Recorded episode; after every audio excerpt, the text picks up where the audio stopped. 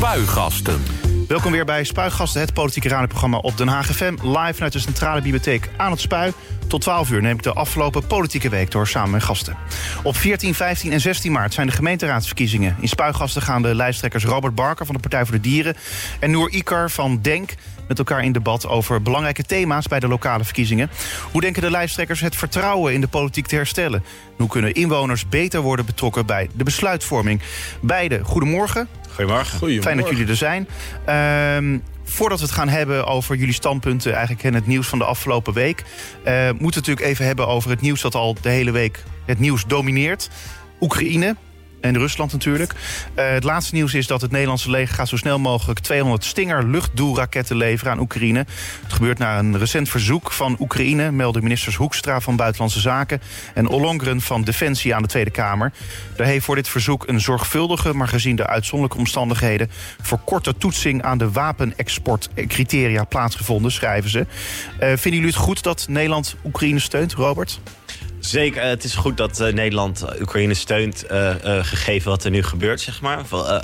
maar het is natuurlijk vooral onmacht, denk ik, wat gevoeld wordt. Want je kan eigenlijk heel weinig doen. Want als je zeg maar, echt militair zou ingrepen, heb je een nieuwe wereldoorlog. Dat wil je ook niet.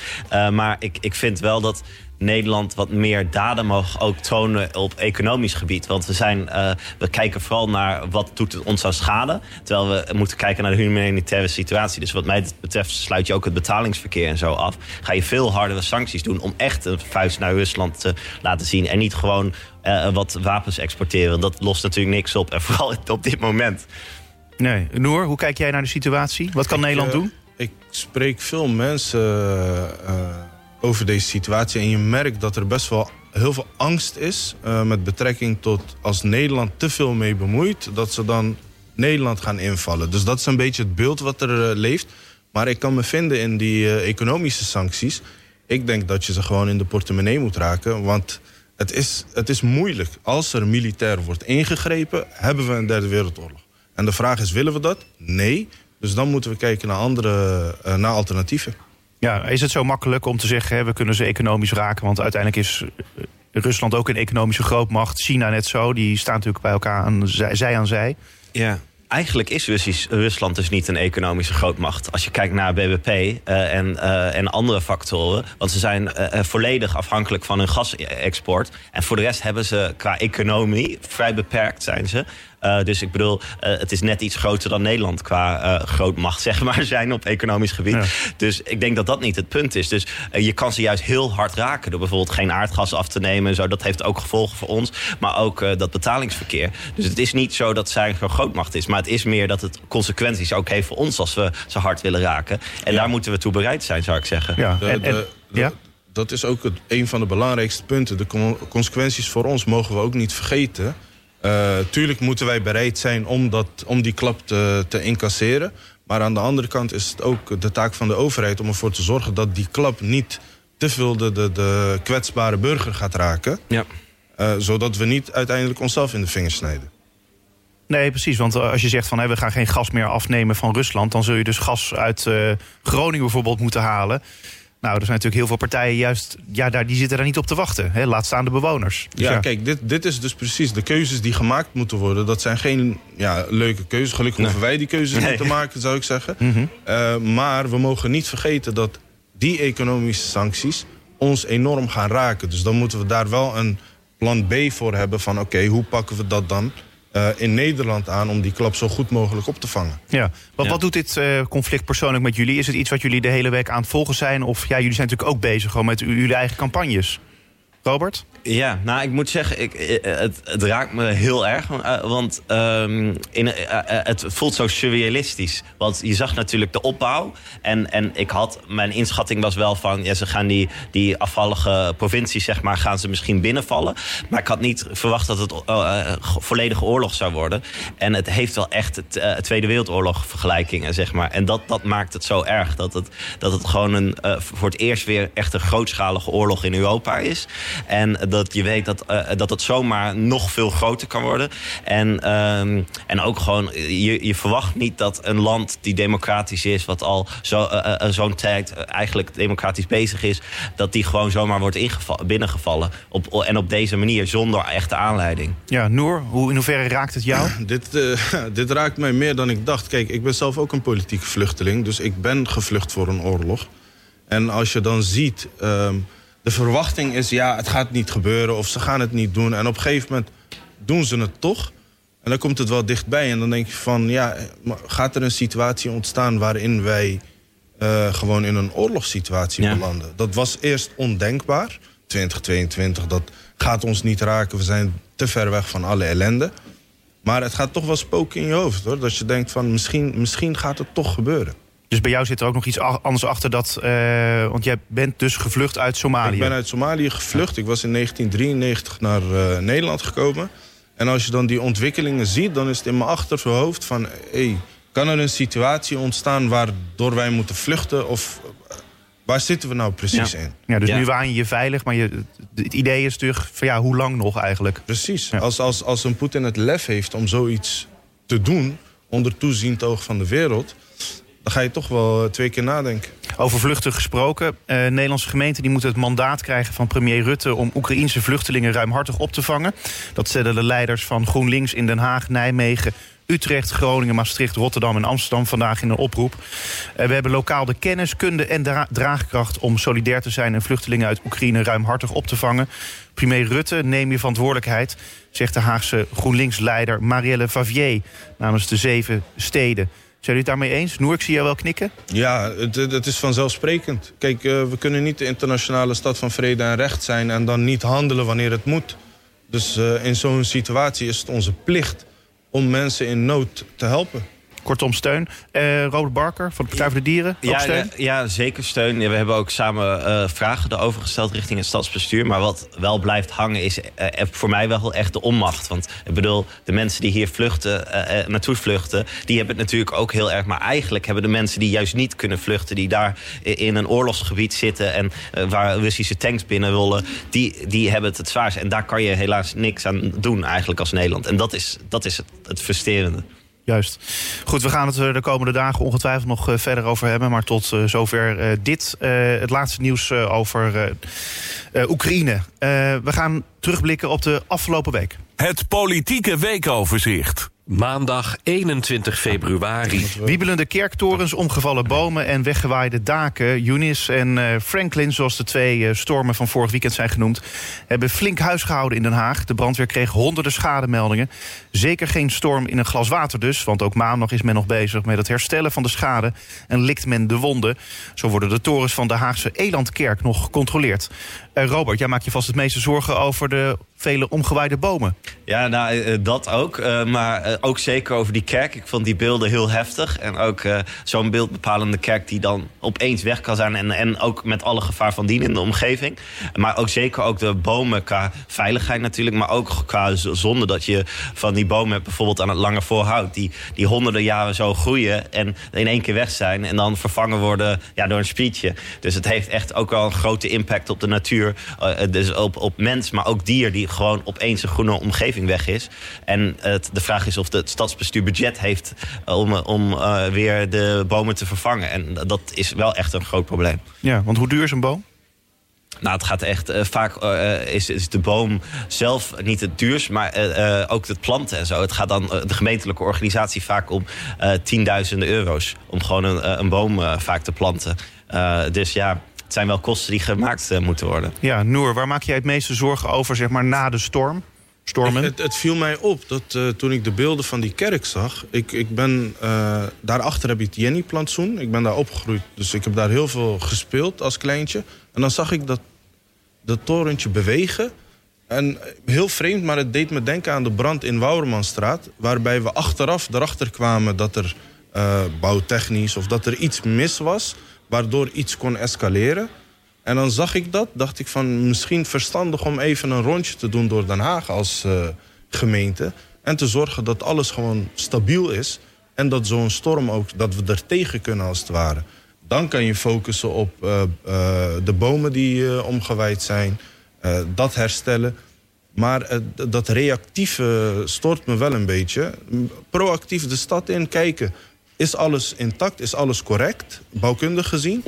En dan van daaruit eh, je startpunt bepalen. Maar even realistisch, dat kan toch helemaal niet? Je kunt toch niet de hele stad langs gaan eh, met eh, inspecteurs? Ja, dat kan. Zoveel in- inspecteurs zijn er toch helemaal niet? het, uiteindelijk, kijk, als we zien wat de gevolgen zijn... en dan met name Wouwermanstraat... dat de gevolgen zo'n grote impact hadden... je gaat niet de hele stad langs. Je gaat gewoon hotspots uitkiezen... of je gaat naar monumentale gebouwen of zulke locaties. Dat zijn, dat zijn hele oude gebouwen. Dus dat kan als priootje op je lijst staan. Die ga je dan af.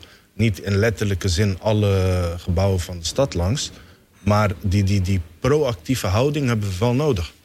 Dinsdag 22 februari. De gemeente Den Haag gaat mogelijk meebetalen aan de bouw van de torens op de plek waar nu nog het voormalig ministerie van Sociale Zaken staat, aan de Anna van Hannoverstraat.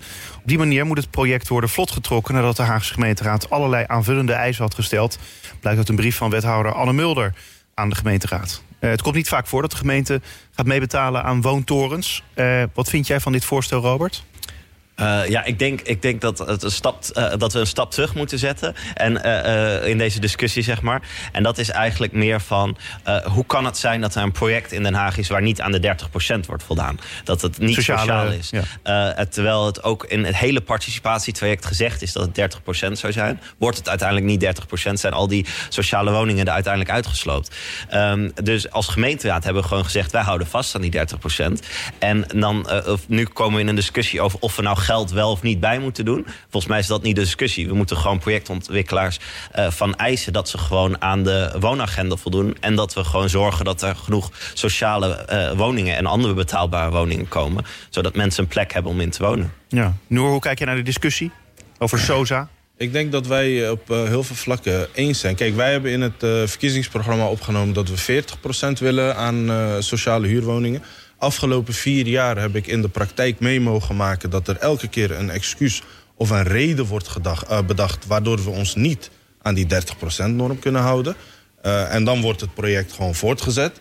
Dus ik denk dat eh, de discussie moet zijn: nee, het is 30% op dit moment. Hou je daaraan. Lukt het niet? Oké, wat moet er nu gebeuren om dat wel te bewerkstelligen? Anders blijven we maar projecten in Den Haag krijgen. Ja, waarbij we dat niet hebben. Nee, ja, fe- feit is inderdaad dat, het, dat die 30% niet wordt gehaald. Aan de andere kant kun je dan ook zeggen... ja, dan is het toch totaal onrealistisch om te zeggen... eh, we maken er dan 40% van. Want dan ga je dat wel helemaal niet halen. Nee, het is, niet, het is, het is die, die, die daadkracht ontbreekt. Kijk, nu wordt er aangegeven... ja, we halen die 30% niet financieel gezien. Is dat niet rendabel? Eh, we moeten we, ja, te weinig eh, sociaal, sociale huurwoningen. Betekent meer geld. Nee, als er een college is die zegt... nee, dit is een harde eis... dan wordt daaraan voldaan. Maar als je een college hebt die zegt... ja, oké, is goed, weet je, eh, laat maar gaan... en dan continu hetzelfde... Ja, dan wordt de norm het niet halen van de 30%. Ja. Ja. En dan heb je vervolgens 40% nodig, want anders dan lukt het helemaal Dus, niet eh, om het is een de onderhandeling. Als we 40% hebben en die 40% wordt niet gehaald... eh, dan wordt op zijn minst de 30% gehaald. Ja. Dus het is de, de lat moet hoger liggen. Want nu is het gewoon heel simplistisch denken. Het kost ons te veel, we halen het niet. Oké, prima. Ja, en de, de ontwikkelaar bestuurt niet de stad. Eh, Juist. de gemeente bestuurt de stad, zou ik zeggen. En die bepaalt.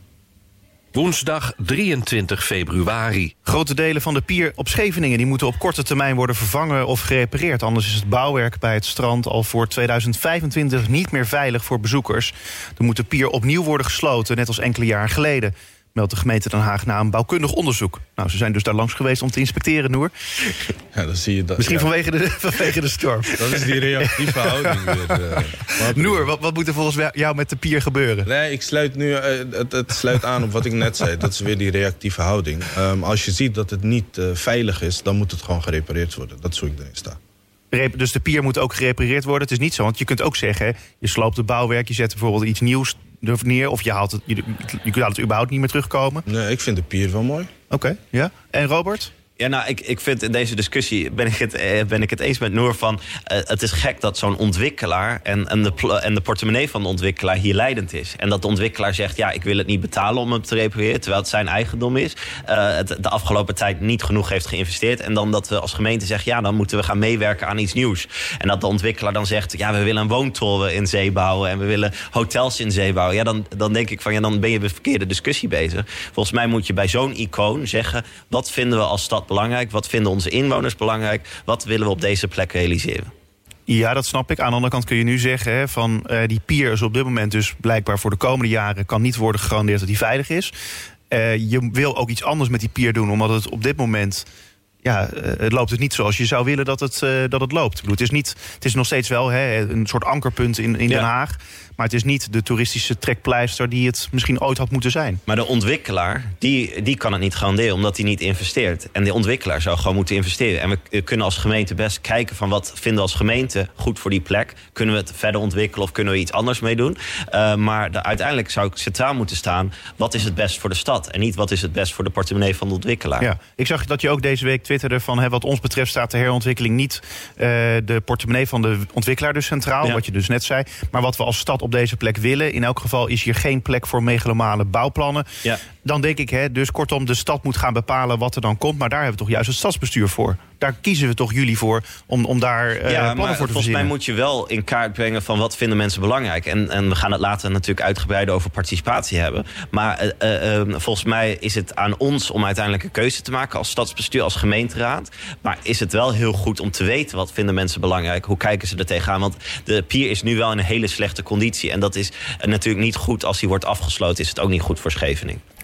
Donderdag 24 februari. Het Internationaal Vuurwerkfestival Scheveningen wordt dit jaar vernieuwd.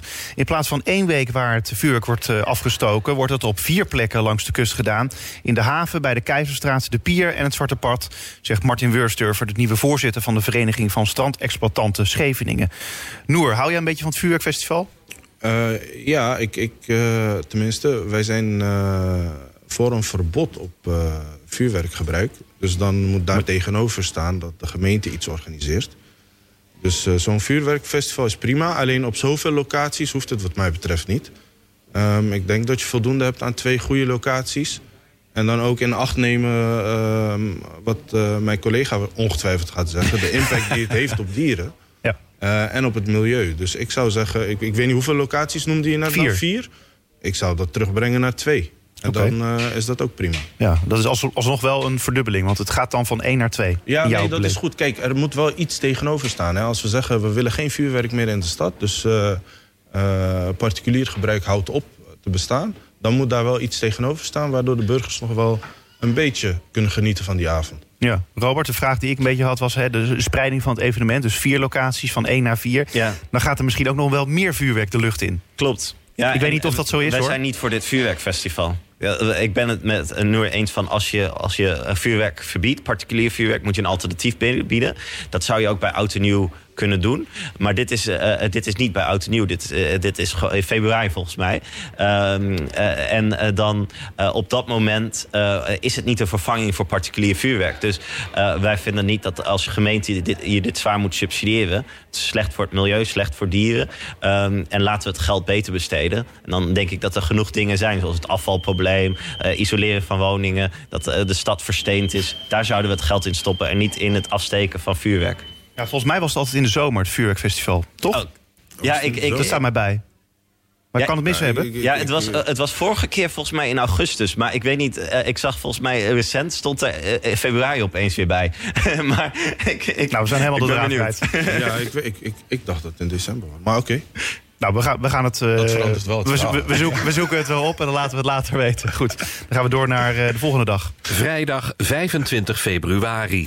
ADO Den Haag is gered en komt definitief in handen van het internationale voetbalconcern Bolt Football Holdings. De rechter heeft vrijdagochtend een uitspraak gedaan waarmee de laatste obstakels zijn weggenomen. Hij heeft het akkoord goedgekeurd eh, dat, in dat in januari met de ongeveer 140 schuldeisers is bereikt. Voor de aanstaande eigenaar was deze bekrachtiging van het schuldsaneringsplan een van de voorwaarden om te blijven meedoen. Goed nieuws, Noer? Ja, ik denk dat ADO daar heel blij mee is. En dat Den Haag ook eh, blij is met het feit dat dit dossier dan eh, voorlopig gesloten kan worden. Ja. Dus eh, felicitaties aan eh, het team, eh, management en alle fans van ADO. Eh, Robert, jij bent waarschijnlijk aan het opzoeken wanneer het vuurwerkfestival is. Ja, ben, ben je blij met het nieuws? Dacht ik, dat, ik dacht dat het augustus was, want ik wilde het even checken. Ik zei per ongeluk februari. Maar um, uh, ik, ben, uh, ik ben blij dat ADO is gered. Wat wel vang blijft is gewoon dat de gemeente zoveel geld in heeft moeten stoppen. Terwijl we te weinig geld voor breedte sport hebben. En dat we in, in zo'n club, zo'n professionele club, geld stoppen. Ehm, maar, en, en wat ook blijft is hoe kan zo'n mismanagement hebben plaatsgevonden. Maar het uiteindelijk goed dat het gelukt is om te redden. Maar hopelijk is dit voor de lange termijn dit keer. Ja, nog even terug naar het vorige onderwerp. De 40ste editie van het Internationaal Vuurwerkfestival Scheveningen... vindt dit jaar in de weekenden van 19 en 20 augustus... en 26 en 27 augustus plaats. Okay. Dus voor wie er naartoe wil, ja, jullie dus niet... Nee, nee. Ik, ik zou het als gemeente dus niet meer gaan subsidiëren... Ja, nee. vanwege de milieuschade. Ja, en, en, en uh, problemen die we in de stad hebben, ja. We hebben genoeg problemen met isolatie, afval, et cetera. Dus prioriteiten even bijstellen. Zaterdag 26 februari. De afgelopen acht jaar moesten er maar liefst 457 wethouders om politieke redenen opstappen. Zo blijkt het onderzoek van Pointer samen met studenten van de Universiteit van Amsterdam. De harde bestuurscultuur die eist zijn tol, zeggen deskundigen. Volgens de wethoudersvereniging wordt het vak van wethouder te zwaar en moeten er meer wethouders komen. Zij pleiten voor het afschaffen van het maximum aantal wethouders per gemeente. Gemiddeld maken vier op de tien wet wethouders die een raadsperiode beginnen de termijn van vier jaar niet af. Ongeveer de helft daarvan moest vertrekken om politieke redenen. De andere helft van de afgetreden wethouders deden dat om persoonlijke of gezondheidsredenen. En dat aantal neemt ook toe. Verbaast dit jullie, Robert?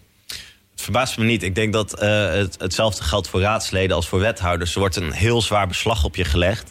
En uh, dat is uh, um, soms moeilijk. En daardoor gaan mensen eerder stoppen. Ik denk in Den Haag hebben we dat pro probleem niet. In ieder geval niet in de zin dat de, de wethouders die in Den Haag allemaal zijn opgestapt... is niet om redenen van tijd of, of druk.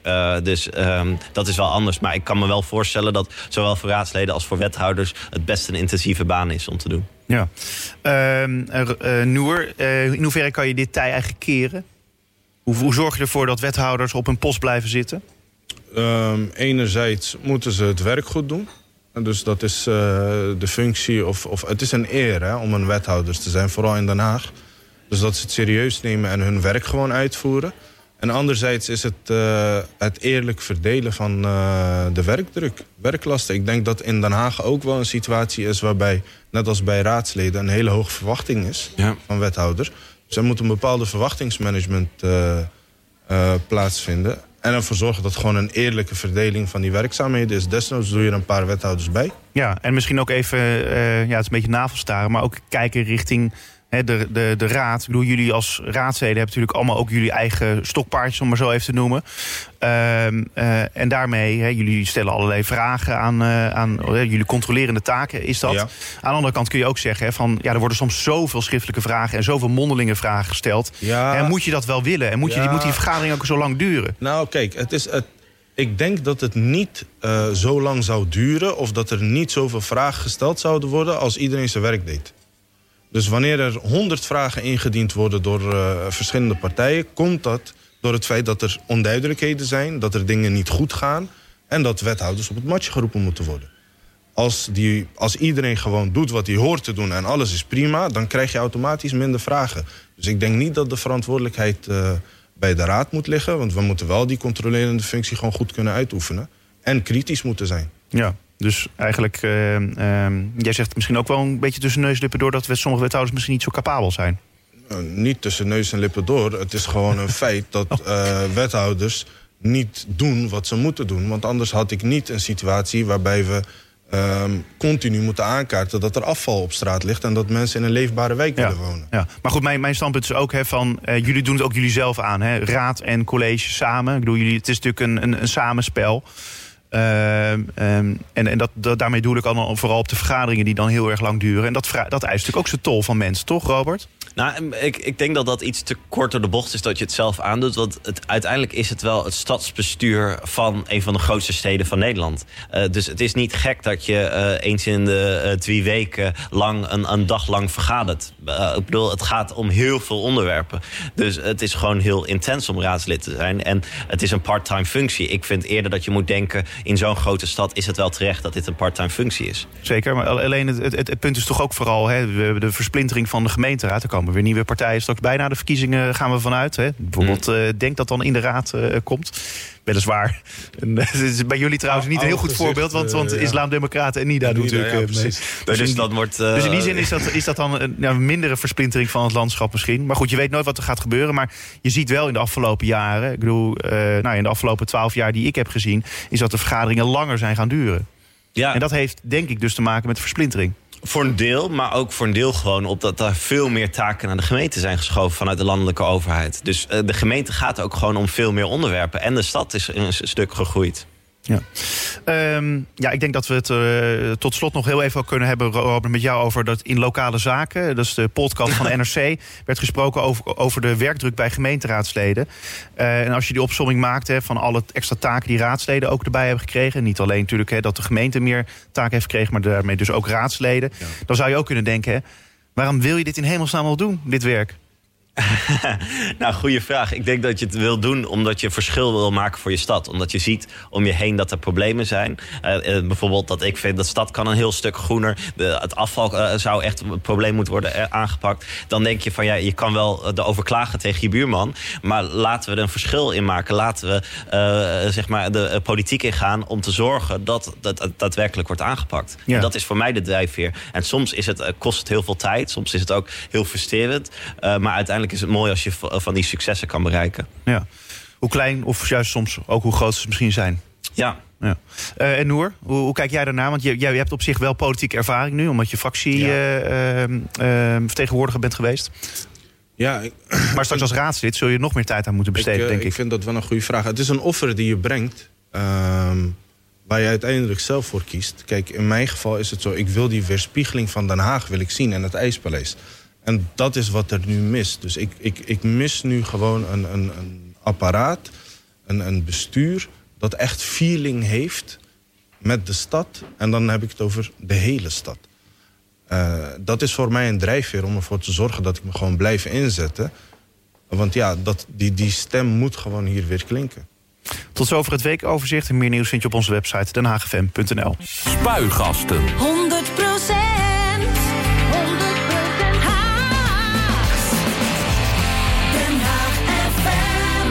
Op 14, 15 en 16 maart zijn de gemeenteraadsverkiezingen. In Spuigasten gaan de lijsttrekkers Robert Barker van de Partij voor de Dieren... en Noor Ikar van Denk met elkaar in debat over belangrijke thema's... bij de lokale verkiezingen. Hoe denken de lijsttrekkers het vertrouwen in de politiek te herstellen? Hoe kunnen inwoners beter worden betrokken bij besluitvorming? Um, Robert en uh, Noer, we hadden het net al eventjes over hè, het opstappen van wethouders... en dat het natuurlijk ook het vertrouwen in de politiek niet echt goed zal doen. Uh, ja, dat is wel wat je kunt concluderen. Uh, wat heeft volgens jullie eigenlijk nog meer effect gehad op het vertrouwen... of in ieder geval het wantrouwen misschien wel juist in de politiek, Robert? Wat meer effect heeft? Ja. Um, ik bedoelt gewoon... Nog meer? Um, het effect van het vertrouwen in de politiek, zou ik zeggen... Uh, als je kijkt naar de toeslagenaffaire... hoe onrechtvaardig en discriminerend daar is opgetreden... dat is uh, iets wat heel veel effect heeft gehad, denk ik, op het vertrouwen. Ik denk soms ook de coronamaatregelen, hoe wisselvallig die waren... en, moeilijk uit te leggen waren, dat dat slecht is voor het vertrouwen. En, maar ik denk ook, uh, als we naar Den Haag kijken... dan zie je ook dat het, het, openbaar maken van informatie... dus of, of eigenlijk juist het niet openbaar maken van informatie... dus heel veel vertrouwelijk houden, dat dat niet goed goed is voor het vertrouwen. En wat we eerder bespraken, zeg maar die deeltjes met projectontwikkelaars... en heel, geen duidelijke participatietrajecten en zo. Dat is ook niet goed voor vertrouwen. Dus volgens mij zijn er genoeg dingen die verbeterd kunnen worden. Ja, Noor, heb je nog iets gemist? Uh, nee, ik, ik, ik was nauw betrokken met slachtoffers van uh, de toeslagenaffaire... en zag wat dat deed met, uh, met de slachtoffers zelf en de omgeving... Dus dat, dat is een van de grootste redenen voor die vertrouwensbreuk. Maar wat je ziet als je naar Den Haag trekt... Uh, gewoon het dagelijkse leven. Dus dat mensen zien wat de staat van hun stad is... zorgt er al voor dat er weinig vertrouwen is. Uh, dat merk ik ook tijdens de campagne. Als ik mensen op straat spreek... leg ze uit wat de gemeenteraad doet, waarom het belangrijk is om te stemmen, et cetera. En dan geven ze aan, kijk eens even om je heen. En dan zit je daar met alleen maar afval om je heen. Dan zeggen ze, ja, ehm, als ze dit niet eens kunnen schoonmaken... wat zijn de beloftes dan nog waard? En dat zorgt ervoor dat er geen vertrouwen is. Dus eigenlijk de gemeente moet kerntaken, hè, als we het hebben even over het oplossen... of in ieder geval hè, het verstellen van vertrouwen. De gemeente moet de taken uitvoeren, eigenlijk gewoon de, de kerntaken, de De basistaken. kerntaken uitvoeren, maar je ziet ook dat bijvoorbeeld... ehm, dat had je met eh, Amare, prachtig cultuurpaleis. Alleen, hoe komt dit over op de gewone burger? Als Amare 220 miljoen, 223 miljoen heeft gekost... en als we de wijken in fietsen en we zien mensen in de rij voor de voedselbank... dan hebben we toch wel wat uit te leggen. En dat is dan ook een reden waarom mensen zeggen... ja, sorry, jullie hebben een leuk verhaal, maar jullie zijn er niet voor ons. Nee. Eh, Robert, snap je deze vergelijking in de zin van hè, dat we veel geld besteden aan een cultuurpaleis, Ja, cultuurcomplex. eh, en en dat, dat, we dus, hè, dat er nog steeds mensen zijn die in armoede leven. En dat dat misschien niet goed met elkaar te rijmen valt. Zeker, ik vind het eigenlijk een heel goed punt. De, eh, en we hadden het ook al eerder over eh, bij dat vuurwerk. Van, je hebt eh, heel veel van die dingen die, die er soort van die leuk zijn dat de gemeente het doet. Of sommige mensen vinden het leuk dat de gemeente het doet. Bijvoorbeeld zo'n cultuurpaleis, bijvoorbeeld zo'n vuurwerkfestival, een festival over vis, weet ik veel. Er zijn allerlei dingen die de gemeente doet. Toeristen binnenhalen vanuit China. Allemaal waar de gemeente mee bezig is. En dan denk je van ja, als we daar allemaal geld voor hebben, waarom hebben we dan geen geld om eh, armoede aan te pakken? Waarom hebben we geen geld om huizen te isoleren? Waarom hebben we geen geld om het afvalprobleem op te lossen? Dan zou ik zeggen, laten we daar het geld in stoppen. Ja. Ehm, als we verder kijken, ehm, eh, bijvoorbeeld hè, mensen betrekken we eigenlijk bij de politiek, dan hebben we het eigenlijk over participatie. Ehm, eh, participatie is natuurlijk belangrijk als het gaat om het terugdraaien. Ook hè, van politieke besluiten. Zo pleiten jullie, Noer, voor draagvlakmetingen onder bewoners als het gaat om de pollers. Bij de Hoefkade en Eskamplaan. Eh, bij onvoldoende draagvlak moeten ze dan per direct verdwijnen op de Eskamplaan en Hoefkade. Leg eens uit. Kijk, ehm, we, we werken nu met een, eh, als ik het goed heb, een participatieverordening van 2012. Op zich prima. Ehm, omgevingswet gaat 1 januari 2023 in. Wat, wat ontbreekt is gewoon een Haagse visie. Ehm, concreet betekent het dat we niet alleen eh, supermooie plannen moeten hebben, want daar zijn we echt goed in. We zijn echt heel goed in het creëren van nieuwe concepten en nieuwe plannen. Maar als je kijkt naar hoe dat zich vertaalt naar de burger, dan eh, is het niet meekijken, meedenken en co-creëren, maar dan is het alleen eh, meekijken en dan accepteren wat er gebeurt. Dus onze visie op participatie is dan dat de burger ook mag meedenken en uiteindelijk gaat co-creëren. En achter die plannen staat als collectief, zodat we dan ehm, ja, zodat we veranderingen doorvoeren waar draagvlak voor is. Maar je kunt er ook zeggen, ik bedoel, wij stemmen op partijen, hè, met z'n allen, als kiezers. Dan, moet u, dan daarmee geven jullie natuurlijk het mandaat om eh, met plannen te komen. Ja, en dat, dat, dat is nou precies waar het dus misgaat. Als we kijken naar ehm, de pollers, heb je Stationsbuurt en Schilderswijk. Ehm, D66-wethouder gaat op bezoek bij de, bij de informatie- of inspraakavonden van zo'n stationsbuurt. En bij de inspraakavonden, informatieavonden van de Schilderswijk... onze kandidaat nummer twee, Mohamed Gai, was zelf aanwezig bij die informatieavonden. En dan zie je dus dat het gewoon georganiseerd wordt met nul opkomst. Alleen om een checklist af te turven. We zijn daar geweest. Dus juridisch gezien, beleidsmatig gezien, eh, financieel gezien... kloppen die plannen, is het water dicht. Maar als we dan gaan kijken naar de communicatie... dan is die er niet. Oké, dus dan heeft het eigenlijk meer met communicatie te maken dan met participatie uiteindelijk. Nou, Daar begint het. uiteindelijk gaat dat samen. Want Ja. ehm, als, je, eh, als, je, als je schijnparticipatie hebt... dus je wekt de indruk van... ja, we hebben iedereen om zijn mening gevraagd... en eh, een laag percentage opkomst, et cetera... en je laat het daarbij... dan zie ik het als schijnparticipatie. Als je aangeeft, nee, we gaan zorgen dat de burgers meedenken en co-creëren... dan heb je een situatie gecreëerd... waarbij mensen uiteindelijk ook een rol spelen in die beleidsvorming. Maar het is toch een illusie eh, om, om iedereen betrokken te krijgen? Niet iedereen. Kijk, het, en het is geen illusie. Het is, eh, wat je nu ziet, is de betrokkenheid van specifieke wijken... is iets meer dan van andere wijken. Dus dan is het de taak van de gemeente om na te gaan... oké, waarom is die betrokkenheid minder dan bij andere wijken? Wat kunnen we daaraan doen om die betrokkenheid te vergroten? Als je gewoon even de andere kant op kijkt en zegt... laat dat voor wat het is... dan krijg je de situaties zoals de pollers... waarbij problemen nu verplaatst worden naar de Neerkade en de Vijandlaan. Waar ook mensen wonen die nu hun ramen niet kunnen open doen. Kijk, de achterliggende gedachte vind ik goed. De achterliggende gedachte is minder luchtvervuiling, eh, dat we een beetje vergroening gaan creëren. Daar sta ik ook achter. Alleen het verplaatsen van het probleem van Hoefkade naar de Vijandlaan, daar sta ik weer niet achter. En dat komt door het feit dat de burgers niet mogen meedenken en co-creëren. Oké. Robert, kun je het volgen? Ehm, ik ben het op hoofdlijnen eens over participatie. Dat het probleem is dat de gemeente uh, met participatie vaak bedoelt informatieavonden. Dat is toch totaal anders. Dus dat de gemeente eigenlijk niet echt goed luistert naar bewoners. En rond de pollers is het ook niet goed gegaan qua participatie. Ook met enquêtes en zo die niet goed zijn gegaan.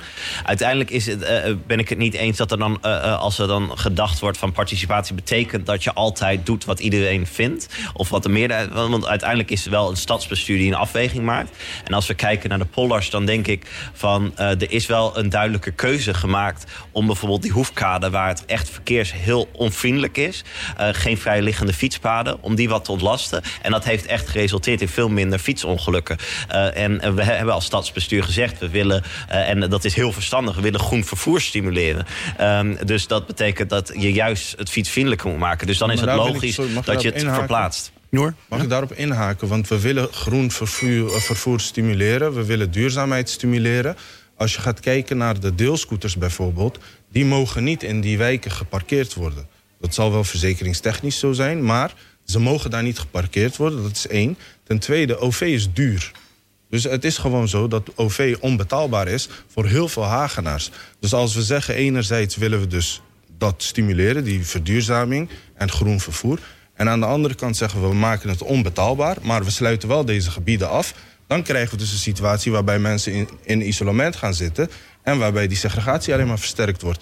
Dus het is, dat is wel voor mij een beetje vreemd.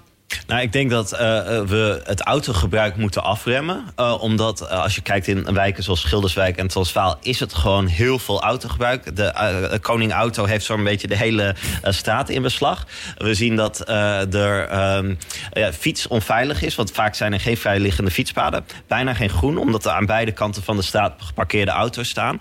Dus als we Transvaal en Schilderswijk leefbaar moeten maken... moeten we een shift maken in mobiliteit. En dan ben ik het eens in ieder geval... dat betekent goedkope OV, fijnmaziger OV, investeren in die fietspaden. Dat, dat zijn allemaal goede punten. Maar we moeten wel beide doen, omdat anders, uh, ook met bevolkingstoename, wordt het gewoon een hele onleefbare stad. Dan, dan, dan zouden we dus, ik denk dat je het daar dan wel mee eens bent, dan zouden we af moeten uh, komen van het poetbeleid. Dus dat we gewoon, er zijn heel veel leegstaande parkeergarages waar gewoon geen gebruik van wordt gemaakt, omdat het te duur is. Dus kijk, waar het mij om gaat is, als je zegt... Um, haal die parkeerplekken weg, um, minder auto's, et cetera... dan moet je mensen wel tegemoet komen. Want de schilderswijken in dit geval... heel veel mensen zijn afhankelijk van de auto. Of dat nou voor werk is of voor de gezinssituatie. Dus dan zou je een alternatief moeten bieden. Enerzijds goedkoper OV, maar anderzijds toegang tot die parkeergarages... waarbij we dus niet een slot erop zetten en zeggen... die parkeer, uh, parkeergarages mag je niet gebruiken... tenzij je daar grof geld voor neertelt... En anderzijds, ja, je kan nergens parkeren. Dus zoek het maar uit. We, we moeten het tot slot ook nog hebben eigenlijk over... Hè, uh, als je op een DENK stemt of als je over, op een uh, Partij voor de Dieren stemt...